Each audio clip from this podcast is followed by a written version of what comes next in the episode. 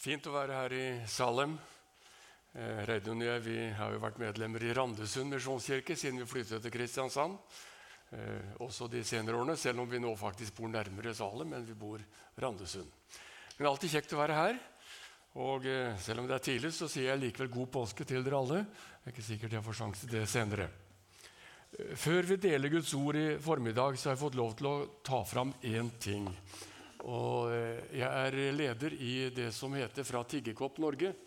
En eh, selvstendig forening som er stiftet her i Kristiansand med bakgrunn i misjonskirkene. Og jeg vet jo at Dere her i Salem har et stort engasjement i Romania og Kalarasi, ikke minst.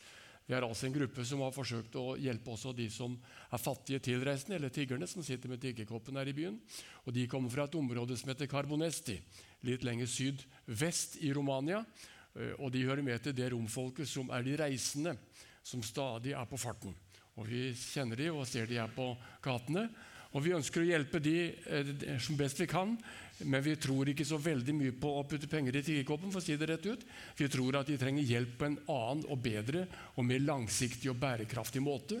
Derfor er vår målsetting, om det er mulig, å skaffe de jobb, arbeid, så de kan bygge opp egen kompetanse og sørge for penger til eget underhold, for familie osv.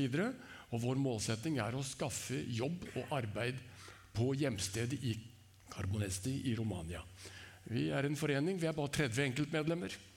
Så er vi en par menigheter og en par firmaer som er med. Det koster 1000 kroner året å være medlem. Det er en eksklusiv forening. Men da sier jeg til tiggerne, jeg smiler og sier til dem jeg støtter dere, men altså på en litt annen måte. Så er du, vel, du er velkommen til å bli medlem i, fra Tiggerkopp. Jeg har en brosjyre som ligger her ute. Så ligger den til informasjon til de av dere som er opptatt med denne gruppens beste og ve og vel i fremtiden. Eh, det er bare som en informasjon til dere også her i salen.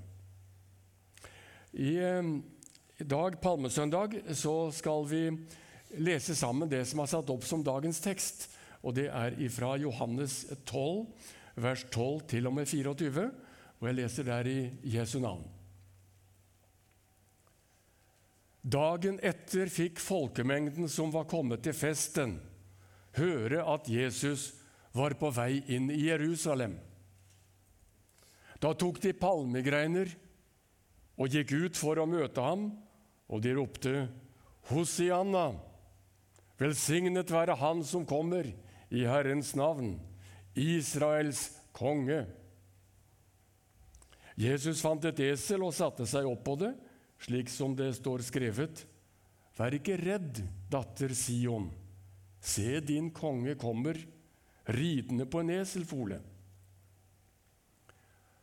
Dette skjønte ikke disiplene med det samme. Men da Jesus var blitt herliggjort, husket de at dette sto skrevet om ham, og at folk hadde hilst ham slik.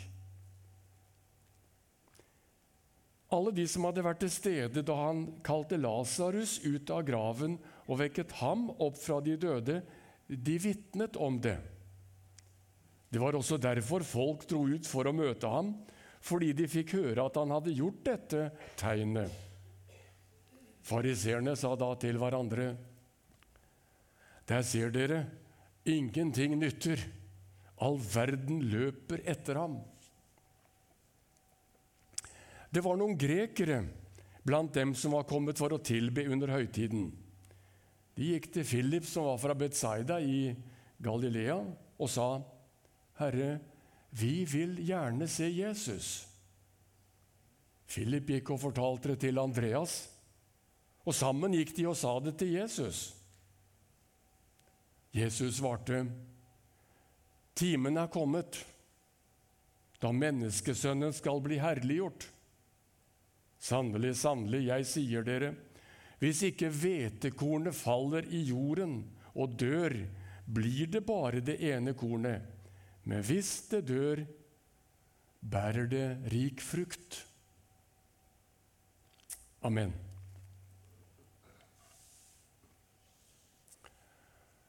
Ingen er så desperate etter en større mening og et større fellesskap enn unge mennesker, skrev en journalist i Vårt Land i fredagens avis. Han utdypet denne deres lengsel etter å bli sett, lyttet til, tatt på alvor og få tilhøre en gruppe gjør ensomme unge mennesker svært utsatte for å havne i ekstreme miljøer. Derfor er det mobbing er så alvorlig. Det å overse et medmenneske og late som det ikke angår meg, det kan faktisk være å krenke et medmenneske. Men behovet for å bli sett, lengselen etter aksept og tilhørighet, det gjelder sannelig ikke bare ungdomsgenerasjonen. Det gjelder oss alle. Vi er alle på jakt etter mål og mening. Vi søker dypest sett en tilhørighet og noe å kunne tro på. Og Det er det samme vi møter også i denne teksten fra Palmesøndag, som vi har lest sammen. Pilegrimer på vei opp til Jerusalem fra mange kanter. Forskjellige mennesker på leting etter sin religiøse tilhørighet. Noe mer enn hverdagen kunne gi dem. De fleste gikk til fots. De hadde god tid til å prate med kjente og ukjente. Små og store flokker, familier, naboer. Alle var pilegrimer på vei til høytiden. Litt av en kontrast for øvrig til den årlige påskeutfarten oppover langs rv. 9. Og Målet er å komme raskest mulig frem til hytta. Jeg holdt på å si uten å bli tatt i fartskontroll. Vi har litt mer travelt i dag, men her var det ro og prat og samtaler. Og Dette året var det en helt spesiell forventning hos folkemengden på vei opp til høytiden. Det gikk så mange rykter om profeten fra Nasaret. Mange hadde blitt berørt av ham, noen av det han hadde sagt, noen av det han hadde gjort. Noen var blitt helbredet, de var syke, men var blitt friske. Og folket de var begeistret, men overprestene de var forarget. De siste hadde gitt beskjed om at om profeten skulle eh, vise seg på høytiden, så skulle de fange han. Og det store spørsmålet i denne pilegrimsskaren på vei til Jerusalem, det var kommer han til høytiden. Og denne årets eh, påskevandring Langs eh, Judeas støvete landeveier var de dessuten opptatt av et helt spesielt rykte. Profeten skulle ha vekket opp en voksen mann fra de døde. Det er jo oppsiktsvekkende. Lasarus i Betania, en av de små landsbyene på Oljeberget, der skulle han ha vært død i fire dager, ble det sagt. Men Jesus ga ham livet tilbake. Og I tillegg fortalte ryktet at Lasarus gikk levende omkring som en, en levende reklame for profeten. Og Pilegrimene var nysgjerrige, og det står at mange de kom og søkte og lette og håpet å kunne se den oppstandende Lasarus. Men enda flere drømte jo om å møte profeten, som ryktes av var Guds Messias. Og De siste nyheter var at jo, Jesus han skulle komme til høytiden, han også. Det formelig kokte i folkehavet, og de var tusener på vei opp til Jerusalem. Og Da de kom frem til Jerusalem, så står det faktisk at folkemengden tok saken i egne hender, bokstavelig talt. De rev ned palmegrener, tok dem i hendene, og spontant begynte de å bevege seg som et opptog ut mot Oljeberget for å møte Jesus. De tok ikke lenger notis av overprestenes trusler, men vi leser om sang, glede og jubelrop som runget. Det er nesten så jeg forestiller meg det er som 17. mai-toget foran Kongens slott. Men det var ingen slottsbalkong, bare en profet som red på et esel. Og Hurraropene var byttet ut med mange og lange bibelsitater og lovsanger fra profetene. Her var det gammeltestamentlig korsang og hillsong på en og samme tid. Det må ha vært litt av en, litt av en lovsang. Og I denne religiøse begeistringen så begynte noen å fortelle. De sto frem og sa, 'Vi så denne profeten. Han vakte Lasarus opp fra de døde.' 'Vi er øyenvitner. Vi så det med egne øyne.' Og vitnesbyrdene var mange, og begeistringen steg liksom det tok ikke ende. Nye høyder. Hvem kunne forlange noe større tegn enn dette? Han måtte være Messias. Og folket de ropte Hosianna. Velsignet være Han som kommer i Herrens navn, Israels konge. Ja, Der skulle du ha vært, Karl. Er ikke det vi sier? Det hadde vært litt av en opplevelse å være til stede der. Fariseerne og overprestene de jaktet også på Jesus denne påsken, men det var for å arrestere ham. De ville ta livet både av ham og Lasarus, står det, for å fjerne ethvert bevis. Det er også en måte å løse problemet på. Men i begeistringen av folket så måtte overprestene trekke seg tilbake, og så sa de oppgitt til hverandre All verden løper etter ham. Dere ser at ingenting nytter. Så motstanderne måtte trekke seg pent tilbake. I denne teksten så møter vi mange slags folk. Alle er på jakt etter Jesus på en eller annen måte. Og Det mest overraskende gruppe som jaktet på Jesus her, det var, det var noen grekere.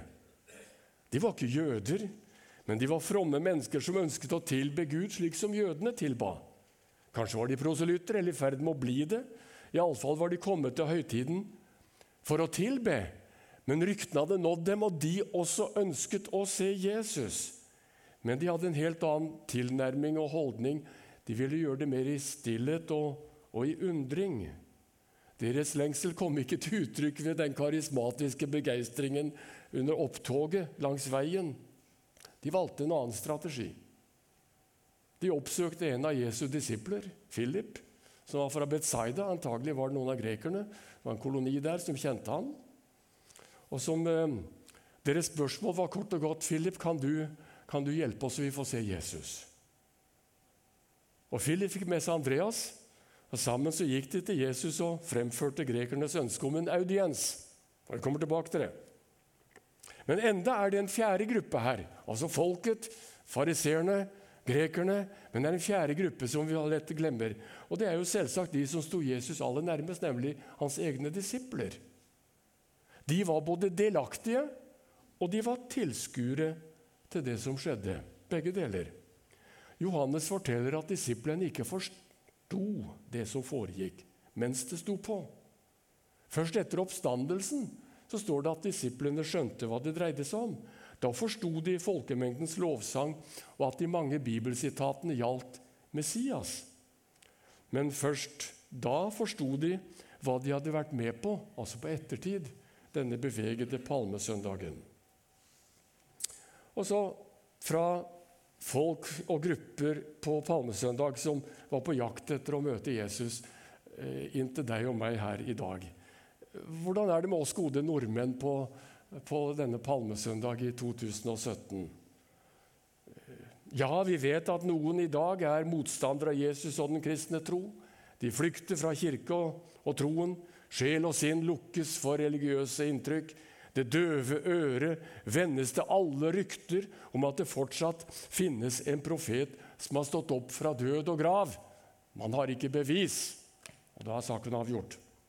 Andre mennesker er nysgjerrige og leter iallfall etter tegn på at Gud, kanskje Gud, er nærværende. Kanskje lever han likevel. Selv lever de midt i en verden som fokuserer på teknikk, vitenskap og materiell fremgang, opptatt med jobb, hjem og hverdag, men registrerer også og lengter noe om det er mulig. Kanskje Gud finnes. Så søker de tegn på Guds nærvær. Sist tirsdag så hadde vi denne fra Tiggekopp årsmøte på Ansgarskolen. Vi hadde besøk av en rumensk forretningsmann som het Mr. Razvan Rebedia, som kom fra Carbonesti. Han er stålgrossist og en stor businessmann som selger varer over hele Europa. Han har faktisk bidratt med stål til Oslo-Follo-prosjektet. og da skjønner du dimensjonene. Han gav en kort hilsen i dette årsmøtet. Og Da han startet, så var han beveget og sa det var så underlig sa han, å høre at her leste dere fra bibelord og, og ba til Gud. Og Som en, en klassisk ortodoks kristen så sa han dette var underlig og, og, uventet, men det var så godt, sa han. Han ble slått av åpning om Guds velsignelse og møte. Og det var så uventet, sa han, i sin hverdag. Men altså han også erkjente og søkte og lengtet etter denne trosdimensjonen i eget liv, ja, endog inn i egen business. Og Derfor var han i Norge som vår gjest, og derfor stilte han seg til disposisjon og gjør det fortsatt for å fremme samtidig samarbeid med norske forretningsfolk og med fra Tiggerkopp Norge. En som var åpen for at kanskje her er noe. Det var så tydelig at han, han rørte ved noe som han sa ja, dette vil også jeg ha med midt i min businessverden. Vil du lese mer om han, så kan du slå opp på hjemmesiden til Næringslivsforeningen, for han, han hadde et møte med lederen der. Eh, andre mennesker er enda mer aktive. De hører ryktene og griper muligheten i sin lengsel etter Jesus. Det er, også, og det er de som, som, også i dagens medieverden på sin måte flagger ståsted med palmegrener og hosianarop. I siste nummer av Misjonsbladet som kom denne uka, så leste jeg om 24 år gamle Mathilde Grindland fra Lillesand. Flere av dere har sikkert lest det. Som gjennom møte med kristne venner, forbønn og et inkluderende ungdomsmiljø forteller hvor godt det var å komme hjem. Sitat. Det var akkurat som en sekk med murstein ble tatt av skuldrene mine, sier hun. Og hun hadde vært toneangivende ungdommelig festløv i småbyen, der hun ikke visste om kjente til noen alternativ.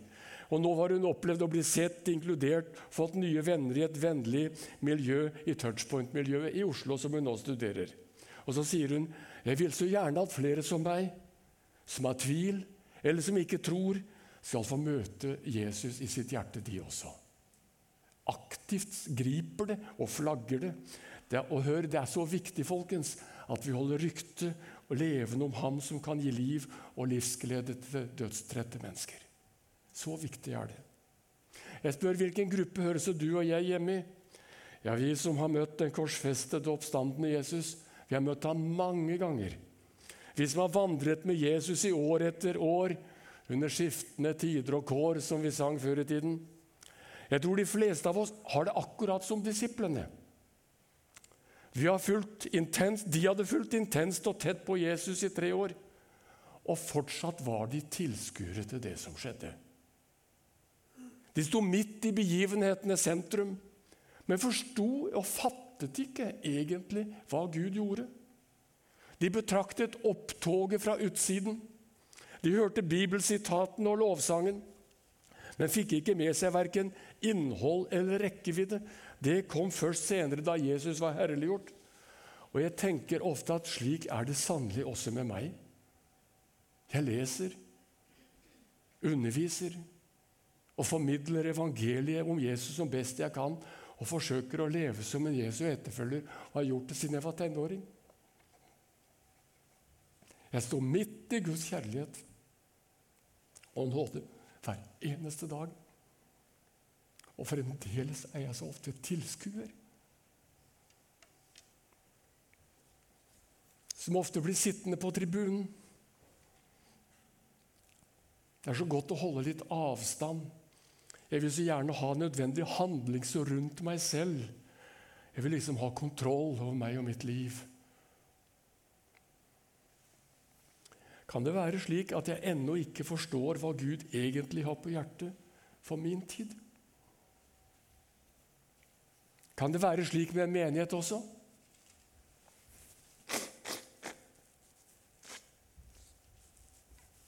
At en misjonskirke, tross ærefylt historie og en rekke jubileer, ennå ikke har fattet hva Ånden sier til menigheten i vår tid? Jesu disipler forsto samtiden først i ettertid. Og Noen ganger er jeg så redd for at det glipper for meg og for oss. At vi ikke vil forstå hva Gud hadde på sitt hjerte for vår tid her og nå, før vi selv kommer til herligheten og kanskje kan se det hele i bakspeilet. Men noe forstår vi, gjør vi ikke? Det viktigste forstår vi. Gud vil at Jesus skal gjøres kjent for vår tids mennesker på en nær, varm og troverdig måte, ved lovsang ved Guds ord, ved å holde ryktet om profeten levende, ved påskevandringer for moderne pilegrimer, enten de er hjemme eller bortreist. Så mye forstår vi at vi er kalt til å vitne om vårt møte med den oppstandende. Tilbake til dagens tekst. Det viktigste gjenstår i teksten, om hvetekornets lov. Og Får vi ikke med det, så blir resultatet av dagens tekst da blir det ikke bare manglende forståelse, men det blir en misforståelse. Ingen av de som hyllet Jesus som konge, ante hva dagens jubelrop egentlig dreide seg om. Jesus var nemlig ikke på vei til å bli innsatt som den Messiaskongen folket ønsket, og overprestene fryktet. Han var derimot den prestelige Messias, som skulle ofre seg selv og gi sitt liv i døden, til beste for både venner og fiender, for jøder og for grekere. Ikke engang disiplene ante at før uken var omme, skulle Jesus dø den forbannedes død på et kors, forlatt både av dem selv og av Gud sin far. Enda Jesus hadde forutsagt det tre ganger på veien opp til Jerusalem, så skjønte de det ikke. Og hør det at Jesus skulle dø, det er det svaret Philip og Andreas må gi til grekerne som ba om audiens. Et møte med Jesus, og Jesus sier, 'Tiden er kommet'. Hvis ikke hvetekornet faller i jorden og dør, blir det bare det ene kornet. Men hvis det dør, bærer det mye frukt. Hør, Dette er Bibelens første misjonsforkynnelse til ikke-jøder som ønsket å se Jesus. Hvetekornet må legges i jorden og dø. Først da blir det frukt. Og bildet forstås av mennesker alle steder til alle tider, fordi vi er alle avhengig av denne enkle naturloven. At kornet må dø for at det skal bli nytt korn, for at vi skal få vårt daglige brød på bordet. Hvetekornet bærer i seg hele påskebudskapet. Evangeliene forteller den mest dramatiske påskekrim som kan tenkes. Om hvordan Gud sviktet sin elskede sønn i det mest sårbare øyeblikk der han ensom og ble forlatt, ble overgitt til døden. Og han som, han som ble sviktet, lot seg overgi. Kampen ble utkjempet i Getsemane tenker på sangen som vi sang da jeg var ungdom og junior, og til og med speider. Så sang vi denne sangen, og den toner hver påske i mitt hode. Jeg glemmer ei, jeg glemmer ei, jeg glemmer ei din ved, da jeg deg så i angst på kne hist i Getsemane. Hm? Der kjempet han kampen. Dødskreftene møtte han på korset. Ondskapen førte ham til graven og dødsriket. Hvetekornet ble lagt i jorden for å dø. Palmesøndag lot Jesus seg hylle ikke som konge av jødeland, men som konge i Guds rike. Det er den prestelige Messias som dør for folkets synder, som en løsepenge for mange. Deretter, ved tidens ende, så skal han komme tilbake som den seirende og kongelige Messias. Da skal han herske i kjærlighetens rike til evig tid. Men mellom oppstandelse og himmelfart på den ene siden og gjenkomsten i herlighet har Sønnen, Faderen og Den hellige ånd etablert et rike her på jord. Først og fremst gjennom sin menighet. Den treenige Guds menighet er det redskap Gud har kalt og utrustet til å utbre sitt rike på jord i dag.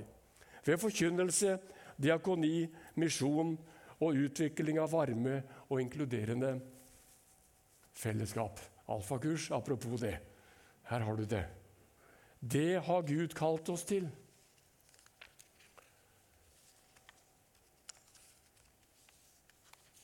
Hvordan ser så et slikt fellesskap av frivillige medarbeidere ut? En mer konkret hvordan ser et kristent menneske ut som tilhører et slikt arbeidsfellesskap, som er et redskap i Guds rike? For det første, disse er hele og ekte mennesker. Som består av kjøtt og blod, tanker og følelser, av lengsler, savn. Mennesker som søker, som mislykkes, som gleder seg, som gråter, som er ensomme, som søker trygghet og aksept. Mennesker som våger å vise det som er inne i oss. Åpne mennesker som kan leses av våre medmennesker ikke lukkede. Var eneste jeg skvatt da jeg leste Christine Koht, humorkvinnen, med sprelske utfall både her og der. Hun skrev i Aftenposten Ja-magasinet følgende Vi må ikke skjule oss bak en prektig fasade. Det er derfor de mest Botox-lammede ansiktene ikke bare er rare, men nifse. Uten mimikk aner vi ikke hva som foregår inne i dem. For spedbarn, sier legene, kan det bli livsfarlig Har ikke mamma lært mimikk, så lærer ikke barna å lese og andre, herme andres følelser, og det kan gå virkelig galt. Hvordan ser vi ut som Guds barn? Vi er mennesker som er levende, åpne, og som våger å være ærlige og ikke med fasade. Sånn at folk kan lese oss. Vi har alle et personlighetshus. Huset er konstruert likt, men møblert forskjellig. Det er vi definitivt. Men felles for alle er at i kontrollrommet der sitter ego. Det er nokså likt. Det er sentrumsrommet i mitt hus. Fra dette rom er det åpne dører og vegger ut til en rekke omkringliggende rom i vår personlighetshus.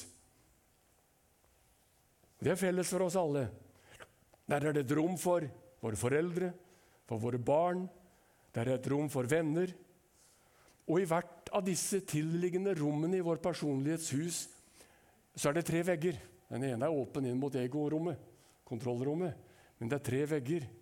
Og de tre veggene det er for det første til høyre har du fortidens vegg. Her henger det et helt galleri av erindringsbilder av forholdet mellom meg selv og rommets hovedperson. Bilder på godt og vondt. Erindringsbilder. På motstående side, vegg, henger det en rekke skisser, planer, tegninger eh, eller drømmer om fremtiden. Der har vi alle våre forhåpninger. Og på endeveggen, motstående, det er nåtidens vegg. Dagens vegg. Det er der hvor de valg foretas og handlinger gjøres som jeg gjør i dag pga. planer og ønsker og forhåpninger på fremtidsveggen, som jeg gjør til virkelighet i dag, og som i morgen henges opp på minnenes vegg i dette rommet. Er du med? Jeg et, hadde et rom for mine foreldre. Det rommet er nå lukket. De er hjemme. Men jeg har fortsatt et stort rom for min ektefelle, mine barn, mine barnebarn, mine venner, arbeidskolleger. Og jeg har et rom for menigheten. På den ene siden har jeg drømmer, og jeg har ønsker og forhåpninger og planer. Og på den andre siden så har vi alle erindringene, gode og varme, eller hva det kan være, erindringsbildene. Hva slags bilder henger det på erindringsveggen i alle de rom du har for de rundt deg? Eller kanskje vi skal snu det litt, perspektivet, og spørre hvilke erindringsbilder henger på fortidsveggen i fars eller mors rom i våre barns hus. For barn har et rom for far og mor. Hvilke erindringsbilder henger det der? Er det lyset, varmen, tilgivelsen og kjærlighetens bilder som henger der, eller? Hvordan ser det ut i mitt rom i mine arbeidskollegers hus? Er det respekt og godhet? Hvilke erindringer og erfaringer har de mange mennesker som jeg har møtt gjennom livet, hengt opp på minnenes vegg, der slike vegger måtte finnes etter meg.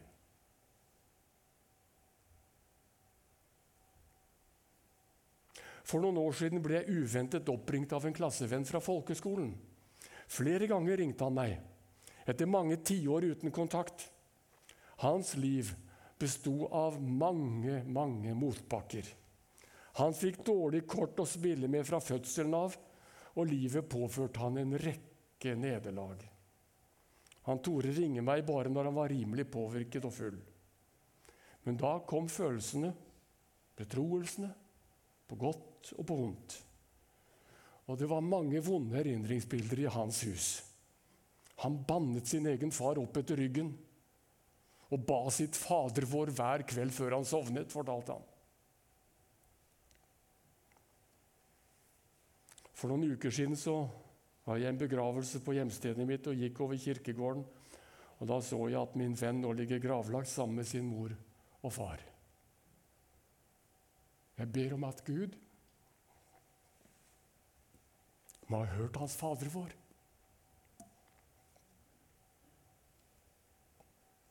Også moderne, kirkefremmede mennesker lengter etter varme og trygghet, etter mening og tilhørighet, etter et hjem og et godt liv og etter et håp for evigheten.